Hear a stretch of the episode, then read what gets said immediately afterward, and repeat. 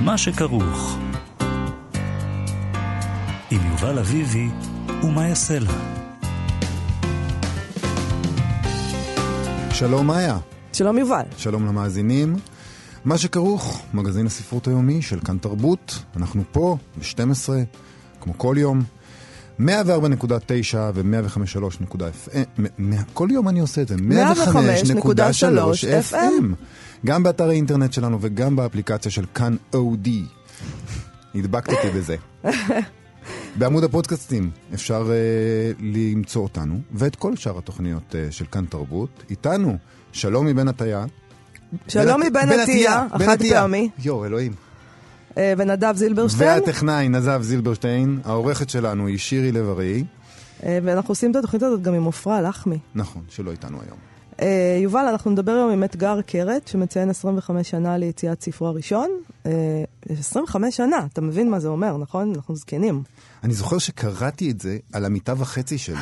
ילדות השוקה. והתרגז, ילדות השוקה, כן. אוקיי, אנחנו נדבר גם עם העורכת והסופרת שרי שביט. על תוכנית מיוחדת שהיא משתתפת בה במסגרת יריד הספרים הבינלאומי של אורחים מכל העולם. היא הנציגה הישראלית שם, ואנחנו נבדוק אה, את מי היא פוגשת ומה הולך שם. ואולי נספיק עוד כמה דברים, אבל כרגע אנחנו עוברים ישר לאתגר קרת. שלום אתגר. שלום. היי אתגר, מה שלומך? בסדר, בסדר גמור. תשמע, אני חייבת להגיד לך שכשיש מחר, אנחנו מדברים כי יש היום אירוע לכבוד 25 שנה לצאת ספר הסיפורים הראשון שלך, צינורות. ואני מצטערת שאני קצת נרקסיסטית ומדברת על עצמי, אבל כשראיתי את ההזמנה הזאת, אז זה ממש הדהים אותי. כי אמרתי לעצמי, 25 שנה. כלומר, אני מרגישה שאתה ממש... אתה זה אני, אתה נציג של, אתה הקול של הדור שלי. ואם יעברו 20... הזמן טס, הזמן טס. אז עשיתי גוגל וגיליתי גם, אני לא יודעת אם מותר להגיד, אבל אתה כן. תהיה בן 50 באוגוסט. בטח, בטח. אז בת כמה אני? אתגר, אני לא מבינה מה קורה אה, כאן. את בת 23. אה, אוקיי, אני נשארתי. גם אני עשיתי גוגל, גם אני עשיתי גוגל. אוקיי, מעולה. אז אה, קודם כל ברכות. אה, תודה. על כל העניינים. כשאתה מביט, אם אתה מביט בכלל אחורה על 25 שנה האחרונות, מה אתה רואה שם? איך אתה רואה את הדרך הזאת שעשית, הספרותית? אני, אני חושב שאת יודעת, זה באמת, יש את הסרטי טבע האלו שהם מראים, לא יודע, פרחים נפתחים, או אני לא יודע מה, או שוניות אה, נהרסות, אז, אז, אז, התחושה היא כזו, כי אני בעצם... אה, חי כל יום, ותמיד באיזשהו סוג של לחץ ואיחור כזה, כמו את יודעת, הארנב מעליזה בארץ הפלאות, אני כזה, תמיד באיזו ריצה כזו. כן. וכשאומרים לי, עברו יותר מ-20 שנה, אני אומר, אה, וואלה, אבל את יודעת, אבל מבחינתי זה יום אחרי יום אחרי יום, ואני גם חושב שיש איזשהו משהו בהתפתחות שלי אה, כסופר, גם, גם מבחינה סגנונית וגם כל מה שקשור להצלחה ולקבלה. שגם הייתה איזשהו סוג של תהליך מתמשך, את יודעת, אני, בכל הספרים ש, שכתבתי, קשה לי לומר, או, הנה, יש ספר אחד שהצליח, ספר אחר שלא הצליח, זאת כן. דרך אה, מתמשכת כזו. אבל, אבל היה איזה רגע שבו הכל ככה פתאום קרה, אה, אחרי, אה, אחרי געגועי לקיסינג'ר ב-94, פתאום הייתה איזו התפוצצות נורא גדולה. אתה זוכר את התקופה הזאת?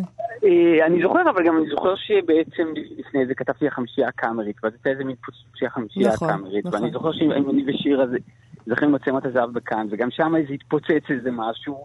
אז אתה בהתפוצצויות כל הזמן. כן, אני אומר, אה, אה, אני חושב שבאמת יש איזשהו משהו, בכתיבה או ביצירה, שזו תמיד איזו ריצה למרחקים ארוכים, ויש הרבה ימים שמחים, ויש ימים פחות מוצלחים, אבל איכשהו, בסוף, גם כשאני מנסה איכשהו לשאול את עצמי מה קרה לפני ארבע שנים ומה קרה לפני 19, אז גם קשה לי לענות. כן, כן. Uh, באופן מאוד מאוד משונה, אני שמה לב שיש מעט מאוד הומור בספרות העברית, uh, ואני שמה גם לב שאומרים הומור יהודי, אבל לא אומרים הומור ישראלי. כאילו, משהו פה לקח מאיתנו את ההומור, ואצלך, לעומת זאת, יש המון הומור, גם בסיפורים וגם בחיים. למה אתה חושב שאין הומור בספרות הישראלית יותר? אני חושב שהומור, במיוחד כשמדברים על הומור יהודי, זה, זה הומור אה, רפלקסיבי. בעצם, אני חושב שהיהודים הם גרו בגולה, ותמיד היו להם שתי זהויות, הם היו רוסים ויהודים, או פולנים ויהודים, או מרוקאים ויהודים, ואז הם תמיד יכלו להסתכל על עצמם מבחוץ ולהסתכל על עצמם מבפנים, ודווקא יש איזשהו משהו בישראליות, שהיא ככה כל כך כזה עוטפת את הכל, שהיא, שהיא קצת אה, אה, מקשה על הרפלקסיביות הזאת. אני חושב שאני, יש בי איזה משהו כן קצת גלותי, אני בן של ניצולי שואה. כן. אגב, אני חושב שהסופרים הישראלים, הסופר שהכי משתמש בהומור יהודי כיום, סעד קשוע. נכון, זה נכון. ובאמת בגלל שגם הוא נושא שתי זהויות, הוא ערבי-ישראלי, ואני חושב שהוא באמת, אה, המצב הזה של להיות, גם להזדהות עם משהו, גם להיות לגמרי חיצוני, לא, אלה סיטואציות שמולידות הומור. אני חושב שגם בכלל, לרוב הומור מגיע ממצוקה. כן. אז יכול להיות שפשוט טוב לנו. אולי יותר מדי טוב. כן. כן. אה, דיברת מקודם על ההתקבלות שלך, אה, אבל באיזשהו מובן הסיפורים הקצרים שלך הם, הם סוג של פרדוקס. בגלל, ש, בגלל שהז'אנר הזה של סיפורים קצרים הוא תמיד מושמץ בישראל כ, כלא אהוד על הקהל הישראלי, אבל אתה באמת הפכת אותו למשהו מאוד נפוץ שכולם קוראים. מצד שני, גם uh, מבקריך אמרו, דיברו על הדרך שבה השפה הרזה, הסגנון שהבאת, בעצם מביא, סליחה על הביטוי, לפשיטת רגל של הסיפור כן, הקצר. כן, גם משמיצים רבים. אה, כן, אני, אני, קודם כל אני חושב שזה מאוד טבעי, ש, כי אני חושב ששוב, ביצירה תמיד יש איזושהי שאלה של טעם, וכמה שאתה מצליח יותר, ואתה, אז תמיד יהיו אנשים שההצלחה הזאת לא תהיה לטעמם, וזה בסדר גמור. אה, אני חושב שבאיזשהו אופן, כשאני באמת בתקופה של געגוע לקיסינג'ר, אז אנשים אמרו, אוי, עכשיו כולם יכתבו סיפורים קצרים בשפת רחוב, כן. אבל זה לא קרה. זאת אומרת, בסך הכל, היום כשאנחנו אה, מסתכלים על אה, מרבית הסופרים שפועלים, לא יודע, צרויה של יהודית קציר, שהן בעצם, שהן בעצם סופרות בנות דורית, דורית רביניאן, הן כולם בעצם באופן כזה או אחר, הן ממשיכות מאוד טבעיות של, של גרוסמן ועוז באופן אחר, ודווקא אני חושב שבוא נגיד החמישייה הקאמרית או הסיפורים שלי לא רואים הרבה אה, המשכים שלהם או, או הדים שלהם. איך אתה מסביר את זה בעצם? כאילו ההשפעה שלכם... אה... קטנה יותר ממה שאפשר היה לדמ... לדמיין. מי זה שלכם? שלך. שלך. לא, החמישייה כן. הקאמרית אה. וה... נכון. נכון. לא, אני חושבת שאולי זה לא כזה קל לעשות, כי בזמנו, כשהיה געגועי לקיסינג'ר יצא, המון אנשים ניסו לעשות את הדבר הזה. נכון. הם פשוט גילו שזה לא כזה קל כמו שזה נראה, אוי, כן, בוא נכתוב גם סיפור קצר. וזה כאילו, זה נורא אה, מוצלח, זה לא עבד. אה, אני, אני, אני חושב ש, שכתיבה זה תמיד איזה, איזו מין, אה, בוא נגיד, איזה מין ביטוי אה, של אינדיבידואליזם, של איזשהו אופי מסוים. עכשיו אני, אני חושב שבתקופה שבה אני התחלתי לכתוב, זו הייתה תקופה כזו, שנניח געגועה לקיסינג'ר יצא בתקופת הסכמי אוסלו. התחושה הייתה שהסכסוך הישראלי הפלסטיני כבר עשינו וי. עכשיו אנחנו רוצים להתעסק קצת באקולוגיה, בדברים אחרים. כן. ומתוך התחושה הזאת, זה באמת, אז זה נראה אה, כאילו בסדר אה, לעשות איזו קונסטרוקציה למציאות, איכשהו לנסות ככה לשגע ולבלבל. ואחר כך זה באמת... ש... זה מה שתואר אחר כך כ... כסוג של מרד שפוף. כן, נכון, נכון. ו- ואני חושב שהתקופה ה- שהגיעה אחריה, שהיא באמת תקופה שבה, שהיא קצת יותר שרידתית ו- ונטולה תקווה, אני חושב שהיא באמת תקופה ש, שבה באמת היה, היה איזה ניסיון כן אה, אה, אה, ליצור איזשהו נרטיב משותף, פחות לנסות לפרק דברים קיימים ויותר איכשהו אה, לנסות לפחות לאחד ברמה הספרותית. אה, מעניין. ואני חושב שזה משהו... שהוא, שהוא מאוד לגיטימי, אני, אני חושב שתמיד כשאתה עושה איזשהו, זאת אומרת, הכתיבה שלי תמיד הייתה איזשהו סוג של אוף ביט, זאת אומרת, היו, ויש כותבים מעולים כמו עמוס עוז וגרוסמן ואלף בית יהושע שכתבו באופן מסוים, וזה היה משהו שהוא לצד זה, או אחר מזה, ואני חושב שזה אף, אף פעם לא היה איזשהו חשש שזה יהפוך לסוג של מיינסטרים, או משהו שהוא ייתן את הטון. וזה גם באמת לא קרה. יכול להיות שבגלל זה אתה ככה פונה אה, לקהלים אחרים, לחו"ל, בשנים האחרונות? כן, תראה, קודם כל כסופר אתה, אתה בעצם פונה לכל אה, תושבי כדור הארץ, רק לרוב הם, לרוב הם, הם לא, לא... הם לא נענים. זהו, הם לא מעוניינים בדרך כלל. כן, עכשיו אני חושב שגם בחו"ל העובדה שאני, שהכתיבה שלי אולי קצת שונה, והיא באמת האוף ביטיות הזו, אז היא, היא משהו שאולי עזרה לי למצוא קהל בכל מיני מקומות ש, ש, כשיש כתיבה, בוא נגיד, שהיא יותר דומה למיינסטרים הספרותי, אז יש להם כבר סופרים כאלו משלהם, וכשהם נתקלים אולי בכתיבה כמו שלי, אז זה משהו אחר שהם לא מכירים, ואולי מסקרן אותם. אני רציתי לשאול אותך, אתה הוצאת ב-2015 אה, ספר בשם שבע השנים הטובות. נכון. זאת אומרת, אני מתרגמת, Seven Good Years, שלא נכון. יצא בעברית. נכון. ואמרת גם אז שאתה לא תוציא אותו בעברית. אה, אני לא יכול לדבר, זאת אומרת, אני לא אוציא אותו בעברית כל עוד אה, בני לא מסכים שאני אוציא אותו בעברית, ובינתיים הוא לא כל כך... למה? מדוע? כי זה ספר שהוא באמת הוא ממואר, הוא מדבר על המשפחה שלי, הוא מדבר המון על הבן שלי, והבן שלי שהוא היה בן שבע וחצי, הוא אמר אז שהוא לא רואה שום יתרון בכך שאנשים שהוא לא מכיר ידעו עליו יותר משהוא יודע עליהם. אז אני לא יודע, זאת אומרת, אם הוא באמת עומד להיות איזה מין... ילד נבון. איש נדל"ן, או... או עורך דין שיגיש בג"צים, אבל זה היה תיאום. וואו, אוקיי. וקיבלתי אותו. אני, אני חייב לומר שגם מבחינתי יש איזשהו משהו בכתיבה, כשאתה כותב בכתיבה הגיונית, אז אתה בעצם מרגיש מאוד מוגן, כי אתה כותב על הרגשות הכי אמיתיים שלך, כן. אבל בגלל שהסיפור מומצא, אז אתה בעצם לא חושף משהו. כשאתה כותב uh, עצמך, ו, uh, אז, אז אתה באמת נמצא במקום יותר חשוף, ואני חייב לומר ש, ש, ש, שכשזה קרה, אז uh, גם, גם היה איזשהו צד אצלי שחש הקלה, כי אני אמרתי לעצמי את הסיפורים שאני יכול לפרסם כאן, אבל שהשכן שיורד איתי במעלית, הוא לא חייב לדעת uh, ששיקרתי לה... שם מהמכבסה שבאתי לקחת את הדברים, או, ש... או שהמרשם שלקחתי לתחורים לא ממש עובד. טוב, אנחנו... הם יודעים הכל השכנים ממילא. מאזינים יקרים, אתם יכולים כמובן לקרוא את זה באנגלית. כן. כן, לא, אלה היו דוגמאות היפותטיות. כמובן, כמובן. אין לנו מעלית בבית. עוד חורים. אוקיי, אתגר, אני מאוד מאוד מודה לך. אה, ותמשיך. נזכיר שבצוותא היום ערב לציון אה, אה, צאת ספרך הראשון בעברית, צינורות, מ-1992, שיהיה ערב כיפי. כן, שלומי שבן, שאביבי, דוב נבון. אה, כל החבר'ה, כל החמישייה.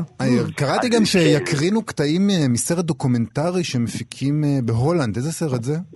זה סרט שצילמו אותו שני יוצרים הולנדים צעירים.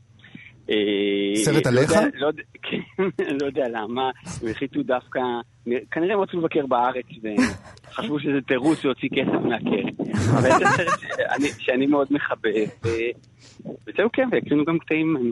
נהדר. טוב, אז אוקיי. שיהיה לך כיף שם.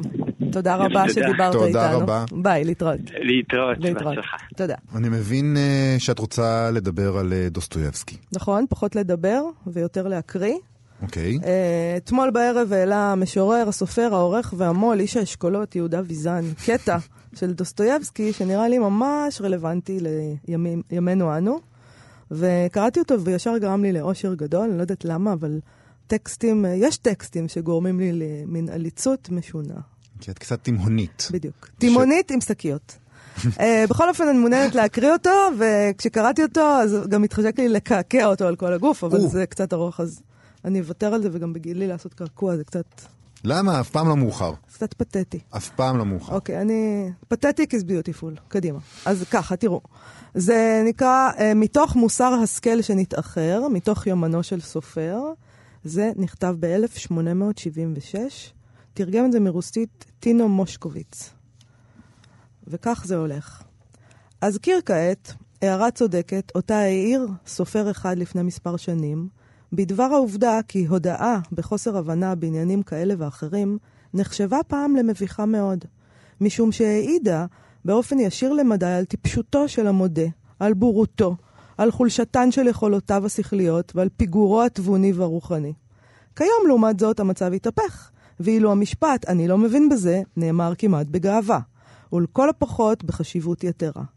האדם המביע אותה זוכה מיד לגילויי הערצה מפי מאזיניו, משעשעת אף יותר העובדה כי הוא מתעלה לדרגה גבוהה לאין ארוך אף בעיני עצמו, מבלי שיחוש כל בושה על זילותה של הערכה הנרכשת. אני מדלגת קצת וממשיכה. יש צדק רב בהערה זו על אודות גאוות הבורות, אותה ניסחתי כאן במילותיי שלי. אכן, גאוות הבורים צמחה לאחרונה לממדים מפלצתיים ממש. האנשים חסרי השכלה ורפי שכל לא מתביישים כלל בתכונותיהם האומללות הללו. ההפך הוא הנכון, הדבר מפיח בהם מרץ, איזו התלהבות. לאחרונה אני שם לב יותר ויותר כי גם בספרות ובחיי הפרט מתרחשת איזו דיסוציאציה, איזו היפרדות מן הכלל, ואילו רב גוניותו של הידע הולכת ופוחתת. מתברר כי אנשים היוצאים באופן נחרץ נגד יריביהם הספרותיים מזה עשרות שנים, לא טרחו לקרוא, אף לא שורה אחת מיצירותיהם של אותם היריבים. עקרונותיי הרי שונים לחלוטין, על כן איני רואה כל סיבה לקרוא את השטויות האלו. אכן, עבד כי ימלוך. מדהים. מדהים. מתי אמרת שזה נכתב? ב-1876. כל הדבר דבר, הזה... שום דבר לא משתנה אף פעם. לא. לא אה, רק כלום. יודעים לכתוב על זה טוב יותר, אה, זאת אומרת, נראה לי. בכל אופן, אני רוצה להגיד שכל הדבר הזה יתפרסם בכתב עת דחק. בחדש, אה, שעומד לצאת. שיצא בסוף שבוע הבא, שהוא תמיד איזה מין כתב עת נהדר, ובטח עוד נדבר על מה שיש שם. עמוס, עמוס כל טוב. עשיר. וגם זה יש שם, אני הקראתי רק חלק, אז כדאי לקרוא את הכל, זה טקסט נפלא. אני גם רוצה להקריא משהו. Oh. בפינת uh, הסטטוס הספרותי שלנו. אוקיי. Okay. אמ, uh, תשמעי, uh, יש פה סטטוס שפרסמה הסופרת גלית דן קרליבך, וכך היא כותבת. היא כתבה לאחרונה את הספר, סופה של אליס, וכך היא כותבת. בעיתון דתי ולאומני אחד לא ראו לנכון לכתוב על סופה של אליס, לא הייתי שמה לב לעובדה הזאת, לולי ביקשו מאיתנו לשלוח את הרומן, ולולי של, שלחנו, שלחו לנו אחר כך הודעה, חביבה בסוגריים, שהתכנים אינם הולמים את ערכי קוראי, את ערכי קוראי העיתון, ולכן לא יובא הספר לידיעתם. מעבר לעובדה שהמילה תכנים קשורה לספרות, כפי שספרות קשורה לתוכנית לימודים, מעניין בכל זאת לעבור על רשימת התכנים של אותו קהל קדוש אשר צורך אותם בשבתות, בחגים, בחול, בים, באוויר וביבשה ובהתאמה מרובה. וכאן היא עושה רשימה. ניאוף, צ'ק. שליחת חייל למוות כדי לנאוף, צ'ק. בעל ואישה שמתחזים בפני מלך לאח ואחות, צ'ק. אחים שמוכרים אח שלהם, צ'ק. וכן הלאה וכן הלאה, אח שרוצח דוג, את אביו, צ'ק. עוד דוגמאות מהתנ"ך, מהתנ"ך. לזוועות ש... כן, כן. לדברים אז, לא מוסריים. והיא מסכמת, נשאלת השאלה, מהם התכנים של הספר שלי ושל אחרים שאינם מתאימים לאותו קהל קדוש ועדין? טוב, אז אני יודעת שאני מצפה ממני לזעוק עכשיו, פשיסטים! אבל אני לא מתכוונת לעשות את זה. אה, נכון אה, שיש משהו מגוחך בעיתון שקובע שהתכנים אינם הולמים. מצד שני, אה, אנחנו הרי דיברנו פה לפני כמה ימים על אה, כמות הספרים שרואים אור בארץ. על המון ספרים לא, נכתבים, אה, לא נכתבות ביקורות, ואין מה לעשות בקשר לזה, ועדיף גם לא להתבכיין בקשר לזה, ולא להמציא תירוץ בקשר לזה. בחייך, הטענה שלך פשוט מופרכת. הרבה מאוד הצגות גם לא מתקבלות לפסטיבלי תיאטרון שונים, אבל רק חלק נדחות בגלל תכנים ספציפיים. המדד לכתיבת ביקורות צריך להיות האם הספר ראוי לתגובה, ויש המון ספרים אה, שראויים אה, להתעלמות, אולי רובם לא ראויים להיכנס לדפים היוקרתיים והמעטים של מוספי הביקורת בישראל, אבל לדחות ספר בגלל תכנים לא ראויים זה ממש מוזר. אני אישית לא משתגע על ההשוואה האוטומטית אה, לתנ"ך, כי זה מיד מאפשר לבטל את הטענה שלה על בסיס החד פעמיות והחשיבות של התנ"ך, כי מה לעשות, אין עוד ספר כזה, וזה בדיוק מה שעשה, דרך אגב, מגיב אחד שם, הוא אמר לה, את וכותב התנ"ך לא בדיוק באותו מעמד, מה שמקבלים ממנו כנראה, אבל לא צריך ללכת לתנ"ך. אמ, יונה וולך לא קוראים? לא כותבים עליה ביקורות? כנראה אה, שבעיתון הזה לא כותבים על יונה וולך. אני לא בטוח. מה עם גרוסמן? מה עם שתיים דובים של מאיר שלו, שכולל אה, סצנה של אה, רצח תינוקת? לא רק זה, אלא שמדובר על ביקורת. זאת אומרת, אנחנו לא... לא מדובר על הספר לה... עצמו. בביקורת, אתם יכולים גם לכתוב ביקורת נכון, לא טובה, נגיד. נכון, אפשר לכתוב ביקורת שלילית על התכנים האלה, אבל להתעלם לחלוטין מתכנים, ולהגיד, התכנים האלה לא ייכנסו לתפים שלנו, אני לא בטוח, נגיד, שהיו עושים את זה לגרוסמן, לשלו, לעוז. אז אתה מתכוון ל- ל- לרמוז על כך שזה קשור לאיזושהי אישה? אני אמרתי את מה שהיה לומר. אישה, אישה צעירה גם. מה שמע... ומזרחית. אני לא אולי יודע... זה קשור לזה. אני לא יודע מה המוצא שלה. תקשיב. אה, גלית דהן. מה שמעניין בהקשר הזה זאת בעיניי הפוריטניות. אה, את הספר הזה של גלית דהן, קרליבך, עוד לא הספקתי לקרוא. אבל קראתי ספרים אחרים שלה, והיא לא בדיוק סופרת אירוטית, כן? היא לא, ממש לא מתעסקת, זה לא העניין. אז אני לא יודעת על איזה תכנים אה, מדובר פה שכל כך זעזעו אותם. אה, אני במקום הקוראים שלהם, לא יודעת איזה עיתון מדובר, אבל אני במקום הקוראים שלהם הייתי נעלבת, כי מה זה אומר עליהם? שהם אנשים כל כך חלשים, שהם התערערו לגמרי מביקורת על ספר, שהם מוכנים להפקיד בידיים של מישהו את האינטלקט שלהם, שיחליט בשבילם בעצם מה הם יקראו, למה מותר להם להיחשף. אני, אני אספר לך שנפגשתי עם איזו ספרנית שהספרייה שבה היא עובדת נמצאת בשטחים, ביהודה ושומרון, בקהילה שחלקה דתית, אבל לא חרדית, אה, חלקה חילונית. ואנשים שם, היא סיפרה לי, הם מצנזרים לילדים שלהם ספרי ילדים, יובל. בדיוק כמו שאתה עושה. Oh, רק ששם, במקום לצנזר פרה שעושה חלב, ומצנזרים ספרים שיש בהם ילדה שלובשת חצאית קצרה מדי. שם אותי במקום לא נוח עכשיו. משטור זה תמיד דבר בעייתי, לא משנה מאיזה צד הוא בא, אבל uh, אתה יודע. מצד שני, יש בזה משהו שאותי קצת גם משמח, כי זה נותן לנו אפיל חתרני, כאילו, לדבר הזה שאנחנו עושים. ופתאום מסתם שני בורגנים שמפטפטים, אנחנו נהיינו מהפכנים שמתעסקים בספרות, ממש דיסידנטים, אוי, אני לא אה, יודע, וזה אני, נהדר. אני, אני, זה כל כך, אני לא יודע, שמת אותי במקום כל כך לא נוח. כן, יפה. זה, זה היה רגע כזה, הכנתי לך את המלכודת. איי, איי, איי. נפלתי בה כמו חובבן. ממש, לגמרי. זה היה כל כך קל ונחמד. מאיה. כן. אה, בימים אלה, במקביל לשבוע הספר, מתקיים גם uh, יריד הספרים הבינלאומי בירושלים. Uh, כבר הזכרנו את שני האירועים האלה כאן. Uh, אחד הדברים המעניינים שהם עושים, זו מעין סדנה בת שבוע של אורחים ספרותיים מרחבי העולם, 37, אם אני לא טועה, אבל תכף אולי... מספר עגול. מעניין איך החליטו על המספר הזה, אוקיי. אז הנציגה הישראלית בחבורה היוקרתית הזו היא העורכת והסופרת, שרי שביט. שלום, שרי. אהלן יובל ומאיה, איזה שיר שמתם, וואו. היי שרי, זה במיוחד לכבודך. תודה רבה, תודה רבה. אכן 37 אורחים מכל העולם. אני רוצה רגע אוקיי. להתחיל בלצטט אותך מפייסבוק. דבר. אה, את אה, פרסמת שם תמונה מאוד חמודה של האורחים עושים עבודה ספרותית מאוד חרוצה בים המלח. לגמרי, ב-40 מעלות חום, אם יורשה לי להוסיף. ואני אקריא מה כתבת לצד התמונה. דברים שאורחים ספרותיים ממדינות זרות שואלים אותך. אחד, אבל באמת באמת שירתת בצבא? שתיים, יפו ועזה זה לא רק של ערבים? שלוש, את בטוחה שבישראל קונים יותר fiction מ non-fiction? ארבע, יכולה להסביר את ההבדל בין א', ב' יהושע ליהושע קנז? זו הייתה השאלה האהובה עליי. אה, חמש, איך זה שלא מגישים פה חומוס לארוחת בוקר? שש, למה אתם עושים עניין ממצדה? שבע, מה נטפלתם לאלנה פרנטה? שמונה, מדוע ים המלח בעצם כל כך חם? תשע, תסבירי בדיוק למה הכל סגור פה בשבת, והשאלה העשירית ואולי החשובה מכולן, יודעת אם יש חיטה בפלפל ממולא? אכן, אכן, אלו שאלות uh, קשות, ממש שאלות קיומיות. האם אה, ענית על כל השאלות האלה ששאלו אותך? עניתי אחת-אחת, אה. בגלל שאני הנציגה באמת בעצם הישראלית היחידה בתוכנית. אני גם רוצה לדעת את התשובות על חלק מהן. אני מיד אענה. בגלל שאני הנציגה היחידה מישראל בתוכנית, אז אני קצת על תקן הסברה.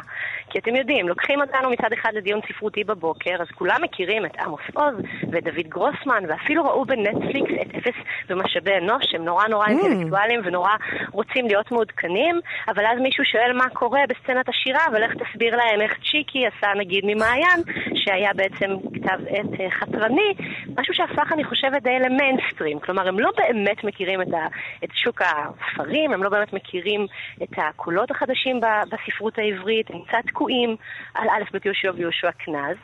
אז מצד אחד יש את הדבר הזה. מצד שני, כשנוסעים לים המלח ועוברים את uh, מילים מכובסות, כן, את uh, גדר ההפרדה, אז אתה פתאום צריך להסביר מה אתה עשית בצבא ומה אתה חושב על זה, ואם זה נראה לך. אז uh, יש קטעים שאני מרגישה מאוד גאה uh, במה שאנחנו עושים פה, ויש קטעים שאני מרגישה כנציגת ישראל פחות גאה? קצת בושה אפילו, כן. Mm. בנוגע לשוק הספרים, הם באמת מסתכלים עלינו קצת כחיה מוזרה. למה? גם אנחנו קטנים. אנחנו קטנים, זה שוק קטן. יש בסך הכל 4-5 מיליון אנשים קוראי עברית בישראל, אולי קצת יותר. אני לא יודעת כמה מהם באמת בסופו של דבר, בסופו של יום קוראים ספר ככה ליד המיטה. וכפי שאנחנו רואים ברשימות רבי המכר, הספר הזה הוא לרוב לא ספרות מקור ישראלית. נכון. ולכן באמת הקולות המפורסמים והגדולים, העמוס עוזיים למיניהם, אה, נשארו ככה כמיתוס, והם פחות מכירים את מה שקורה אצלנו עכשיו, והם דווקא מאוד מעוניינים להכיר.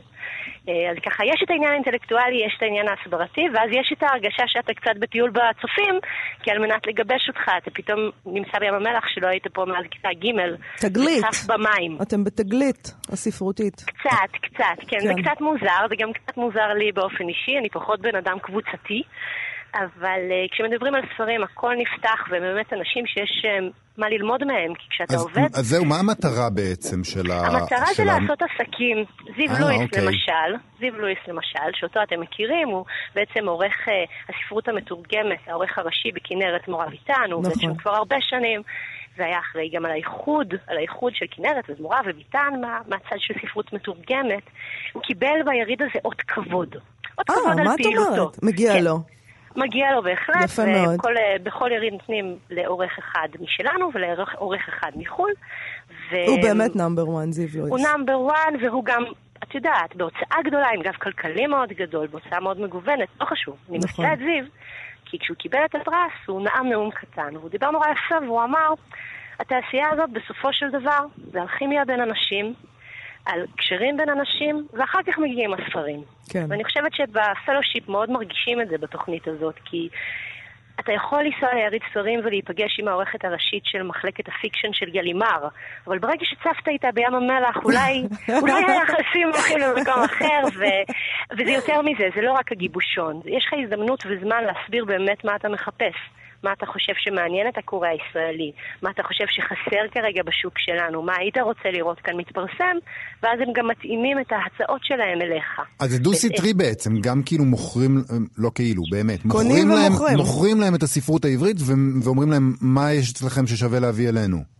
לגמרי, היום למשל, אה, בשעות הצהריים מתקיים כאן פיץ' מאוד גדול של סופרים ישראלים מכל ההוצאות, שהולכים להציג מול כל ה-37 האנשים האלה, המו"לים והאורחים הזרים האלה, את הספרים שלהם שעדיין לא תורגמו. מי הסופרים? את יכולה לגל... אה. אני אפילו לא יודעת, אני הולכת לראות את זה, וזה בטח יהיה מעניין גם עבורי, להיחשף אולי לספרי מקור שעוד לא יצא לי אה, להכיר כאן, אבל אני חושבת שהדבר הזה הוא בהחלט הזדמנות. והם נורא נורא מחזיקים מהיריד, והם נורא נורא מתלהבים מירושלים, וככה בשבילם זה, אתם יודעים, אנו, לא נעים לומר, אבל אנו התל אביבים מגיעים לירושלים, אנחנו קצת uh, מרגישים uh, זרים, שלא לומר תיירים. אני אוהבת, אני אוהבת לנסוע לירושלים, אבל אני תמיד לוקה... אני לוקה בסינדרום ירושלים בדרך כלל שם, אז זה קצת קשה. יש לסינדרום הזה, מסתבר, המון גרסאות. חלק מהאורחים חושבים שהסינדרום הזה הוא הלא לישון בלילה. נכון. חלק חושבים שהסינדרום הזה, הקשיבו, זה לבגוד בבן או בבת. או, וואו. חלק חושבים שזה סתם להשתגע, חלק אמרו לי, צריך לגור פה כמה חודשים בשביל לחטוף את זה. וואו, הם מה זה עסוקים בזה.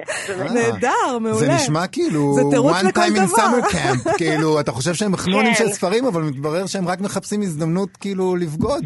הם שותים כמו מטורפים, יובל, היית מסתדר פה מעולה. הם פשוט שותים כמו מטורפים, אני לא עומדת בקצב, ואני בן אדם שנחשב די קרחנה, ממש לא. מאילו מדינות הם הגיעו? מכל, ממש מכל העולם. זה 37 מדינות? יש נציג מכל מדינה? לא, יש כמה, נגיד, השוק הגרמני למשל הוא שוק ספרים מאוד גדול, יש כמה נציגים משם, כנ"ל מהשוק האמריקאי ומהשוק האנגלי, אבל יש אה, מו"ל שהגיע מסרביה, פעם ראשונה שלו בישראל, מקרואטיה, מטיוואן. אה, מצרפת, אה, מסקנדינביה, ממש אה, מגוון, מטורקיה יש כמה נציגים. וואו, מטורקיה זה מעניין. שאת... מאוד, הם עדיין מתעניינים בספרות ישראלית שם? מה? הם עדיין מתעניינים בספרות ישראלית בטורקיה? כן, הם מתעניינים, הם מתעניינים, מתעניינים אני יכולה להגיד לכם שדיברו איתי על ערות. שאלו אותי מה זה, מה זה התופעה הזאת, נגיד, הם מתעניינים במה שקורה. הנציגים הטורקים שאלו אותך על ערות? לא, לא הטורקים ספציפיים, אבל היה דיבור על הספר הזה, מכיוון שזה ספר מאוד נמכר. הוא גם נע, למשל, סתם, הוא לא ברור להם אם הוא fiction, אם הוא לא fiction. יש, הם מסתכלים, הם מעודכנים, הם בעניינים. יש לנו את ההילה, את ההילה העמוס עוזית, הדוד גרוסמנית, האלף ביות יהושעית, מעל הראש, והדבר הזה, כן, אבל הם עדיין לא, הם עדיין לא מספיק מכירים, ואולי זאת הזדמנות טובה להכיר להם, למשל בפיץ' הזה שיהיה היום. את, את הדברים החדשים שמתרחשים כאן, אבל אתם יודעים, כולנו בפייסבוק וכולנו בתוך הדיונים הסוערים על מצב הספרות, יש כאלו שאומרים שאין כאן קולות חדשים, יש כאלו שאומרים שיש כאן קולות חדשים, הספרות מתה, הספרות חיה, גם הדיון הזה מאוד סוער וחי בין האורחים, כי גם לכל אחד יש מה לומר על המדינה שלו. אני למשל היום גיליתי, בסתם בארוחת בוקר שישבתי עם עורכת דנית מהוצאה בינונית בדנמרק, אבל מאוד uh, מוצלחת, יש להם מין ארס פואטיקה אצלהם בדנמרק. אה. יש חבורות של משוררים שהם נורא? אקטיביסטים, אה. והם נגד כל מיני דברים. שוב, אני לא יודעת לקרוא דנית בשביל להגיד לך, אבל פתאום את אומרת, וואו, תופעה דומה, מעניין. הם גם שם החזירו את השירה להיות מאוד פופולרית. מעניין. מעניין מאוד. מעניין. טוב, זה נשמע באמת מעניין. בהזדמנות כשניפגש, תסבירי לי מה ההבדל בין א', ב' יהושע ליהושע קנז, בסדר? אני ממש אשתדל. תודה רבה לך, תודה שרה רבה. ישרית. ביי, תודה. שרי, ביי, להתראות. אה, אמ, אז אה, נעבור מהר מהר לפינה שלנו. למה מהר מהר? מה, מישהו רודף אחריך? מה אה, קרה? אני לא יודע, אני תמיד מרגיש. אתה נורא... שנגמר כן, אתה הזמן. בלחץ. אוקיי. אז זה ככה, אנחנו נעשה את פינת גנזים עכשיו. כן. אה, יש לי משהו קטן אה, שקשור ל- לדברים שאנחנו מדברים עליהם. אה, זאת אומרת, דיברנו עליהם כבר כמה וכמה פעמים. סופרים ומשוררים שהם מאוד עצבניים, אה, ו- ומביעים את- אה, את זה לידי ביטוי בצורה מעולה ביותר, כי הם לכתוב. סופרים, אנשי המילה. אה, אה, זה חומרים שמצאתי בבלוג של מכון גנזים, של אגודת הסופרים העבריים, שכותב יצחק בר יוסף, אה, וכך הוא כותב: תענוג לשמוע סופרים ומשוררים מתרכזים. התחמושת, השפה, חודרת כל שריון. הנה טיוטה של מכתב שכתב יונתן רטוש למשורר ידוע, אבל אגב, הוא לא מגלה לנו למי. חבל. הם ממש כיסו את השם שם של המשורר שאליו זה נכתב. אה, נראה אמנם שהדברים נאמרים בצחוק ובכל זאת, וככה רטוש כותב: יימח שמך ותפח רוחך, וייכנס הרוח באבי אבות אבותיך, ויעשו מבשרך קמח ומעצמותיך נקניקים וכו' וכו'. שלך בידידות, יונתן רטוש. אין, ידידים כאלה. אוקיי, אז... אז זה אה, מדהים אבל שהם לא מגלים אה, למי זה נכתב. כן, הייתי פעם בגנזים, ולדעתי רטוש, ראיתי את התיקים, והיה כתוב אה, שזה לפי הצוואה שלו, צריך ל- להיות סודי עד איזושהי שנה. יש שם עוד חומרים חסויים, לא יודעת למה. אה, איך תדע? ממש סודות הגרעין שם. לא, אתה, יודע, מהאהבות וזה, לא, אני יודעת מה כתוב שם. אנחנו, אני מקווה שנחיה מספיק כדי לדעת את זה יום אחד. עכשיו יש סיבה לחיות. אוקיי, לא בהומור בכלל, לעומת זאת, כתב אה, שנים רבות לפני כן הלל צייטלין, שהזדעק על מעשה נבלה, נבלה איום ונורא שנעשה לו. המו"ל טברסקי לא שילם את חובו. במכתב ששלח מוורשה בחמישי ל-12 1938, שזה פחות משנה לפני פלישת, לפני פלישת הגרמנים לפולין, מהמם. כמו כן, צייטלין עצמו נרצח בטרבלינקה בסופו של דבר, ב-1942. אה, אבל הוא שולח עוד קודם לכן מכתב לטברסקי, שבו הוא מוחה על העוול שנעשה לו. החלפת את משכורתי עשרת מונים כלבן הארמי, ואחרי כל הנחלים והערמומיות שלך, הסכמת לתת לי ספרים בעד החוב של קרוב ל-20 לירות סטרלינג המגיע לי. והנה, עדיין עומד אתה בנחליך. הבטחת לשלוח מכתב לאחיעבר, שייתנו לי את הספרים, ולא שלחת שום מכתב. כלומר, הוא לא קיבל לא את הכסף ולא את הספרים. חוצפה. ולסיום, צייטלין מזהיר שהוא לא יוותר. חושב אתה שסוף סוף יימאס לי לטפל עמך ואעזוב אותך לנפשך, אבל טועה אתה טעות גדולה. אני אוציא את בלעיך מפיך. אני- זה אני סוף. ממש מת לשלוח טקסט כזה לאנשים שחייבים לי, ואני, אני- הם- אנשים לא יבינו בכלל מה אני רוצה מהחיים שלהם, מעניין מה תהיה או שהם התגובה. יתלוננו במשטרה, אתה יודע. אם את אה, תכתבי אה, דבר כזה, זה יהיה יותר דומה למה שכתב, אה, למכתב הראשון שהקראת. נכון, לגמרי, כן. רטוש. אני יותר בסגנון רטוש. כן, אין לך אה, אלוהים. אה, טוב, לנוכח העובדה שבסופו של דבר אה, צייטלין אה, נרצח בטרבלינקה, אז איכשהו קצת הפכנו את זה כן. לפחות מצחיק. זה מוסע- אה, מימד שאינו מצחיק כלל בסיפור אבל הזה. באופן כללי אלה מכתבים ענקיים, אני שמח שהבאת אותם. ביום שבת, יובל, תהיה השקה של הספר החדש של יותם ראובני, האשדודים, בתל אביב, בנילוס. וחשבנו שזאת הזדמנות לקרוא משהו מתוך הספר.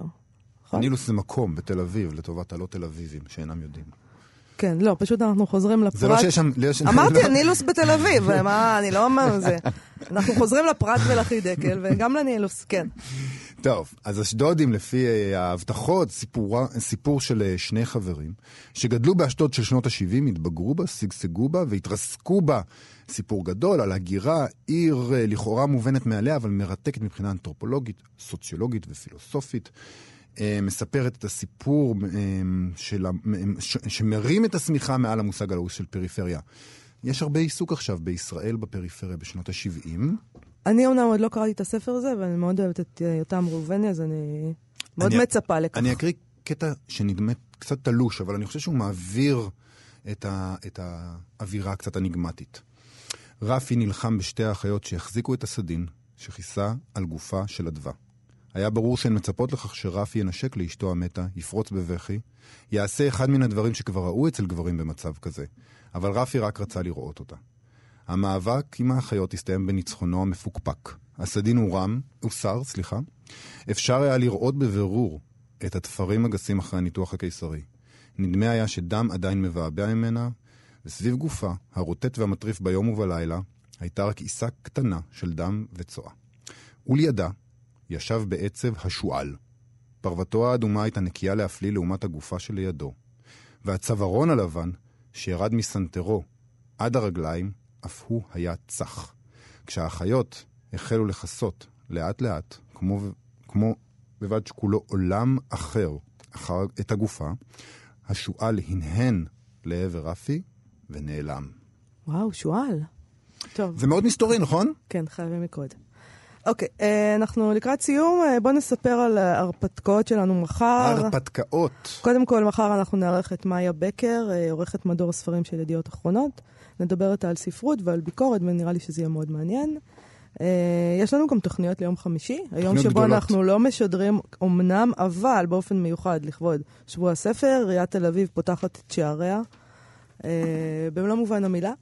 בניין העירייה יהיה מלא וגדוש באירועי ספרות נהדרים, זה באמת אירוע מאוד מוצלח. לא רק כי אנחנו משת... אה, משתתפים בו, למרות שזה בהחלט תורם מאוד לאירוע. ללא ספק. וגם אנחנו נהיה על גג העירייה, אה, אה, אנחנו ועוד אנשים באירועים שהתקיימו בשיתוף פעולה עם תאגיד השידור הציבורי. בוא אני אגיד לך מה הולך להיות שם. כן, תספרי לנו. אנחנו בשעה שמונה נדבר עם שמוליק פאוסט, אריק גלסנר ואלונה קמחי על ביקורת ועל מבקרים. בשעה תשע שלומי חתוכה ידבר שירה עם רועי חסן, רון דהן ונעמי חשמונאי. בשעה עשר, צליל אברהם תדבר על לכתוב על מקום שהוא לא תל אביב עם סלינה סייג, יונתן ברג וג'וליה פרמנטו. וגואל פינטו שלנו, בשעה עשר, ידבר על העיתונאי הכותב עם אמיר זיו, ענת לב אדלר ועומר ברק. וכל זה בחינם, זה גם משודר כמובן, אבל אפשר לבוא פשוט לשבת מולנו ונראה את המאזינים שלנו. שזה מדהים. יש בזה משהו מרגש. אנחנו סיימנו להיום. אנחנו פה כל יום ב-12 אפשר להקשיב לנו גם בתדר 104.9 ו-105.3 FM. הצלחתי הפעם. גם באתר האינטרנט שלנו וגם באפליקציה של כאן אודי. בעמוד הפוסטקאסטים אפשר למצוא אותנו ואת כל שאר התוכניות של כאן תרבות. איתנו באולפן היו היום המפיק שלומי בן עטיה. הצלחתי גם את זה. הטכנאי, נדב זילברשטיין, העורכת של התוכנית היא שירי לב-ארי, ואחרינו כבר מעבר לזכוכית אפשר לראות את uh, פאר לי שחר וערן הילצהיים עם התוכנית רק שאלה, תוכנית ייעוץ כלכלית פיננסית עם אג'נדה. אנחנו נתראה מחר. ביי מאיה. להתראות. להתראות.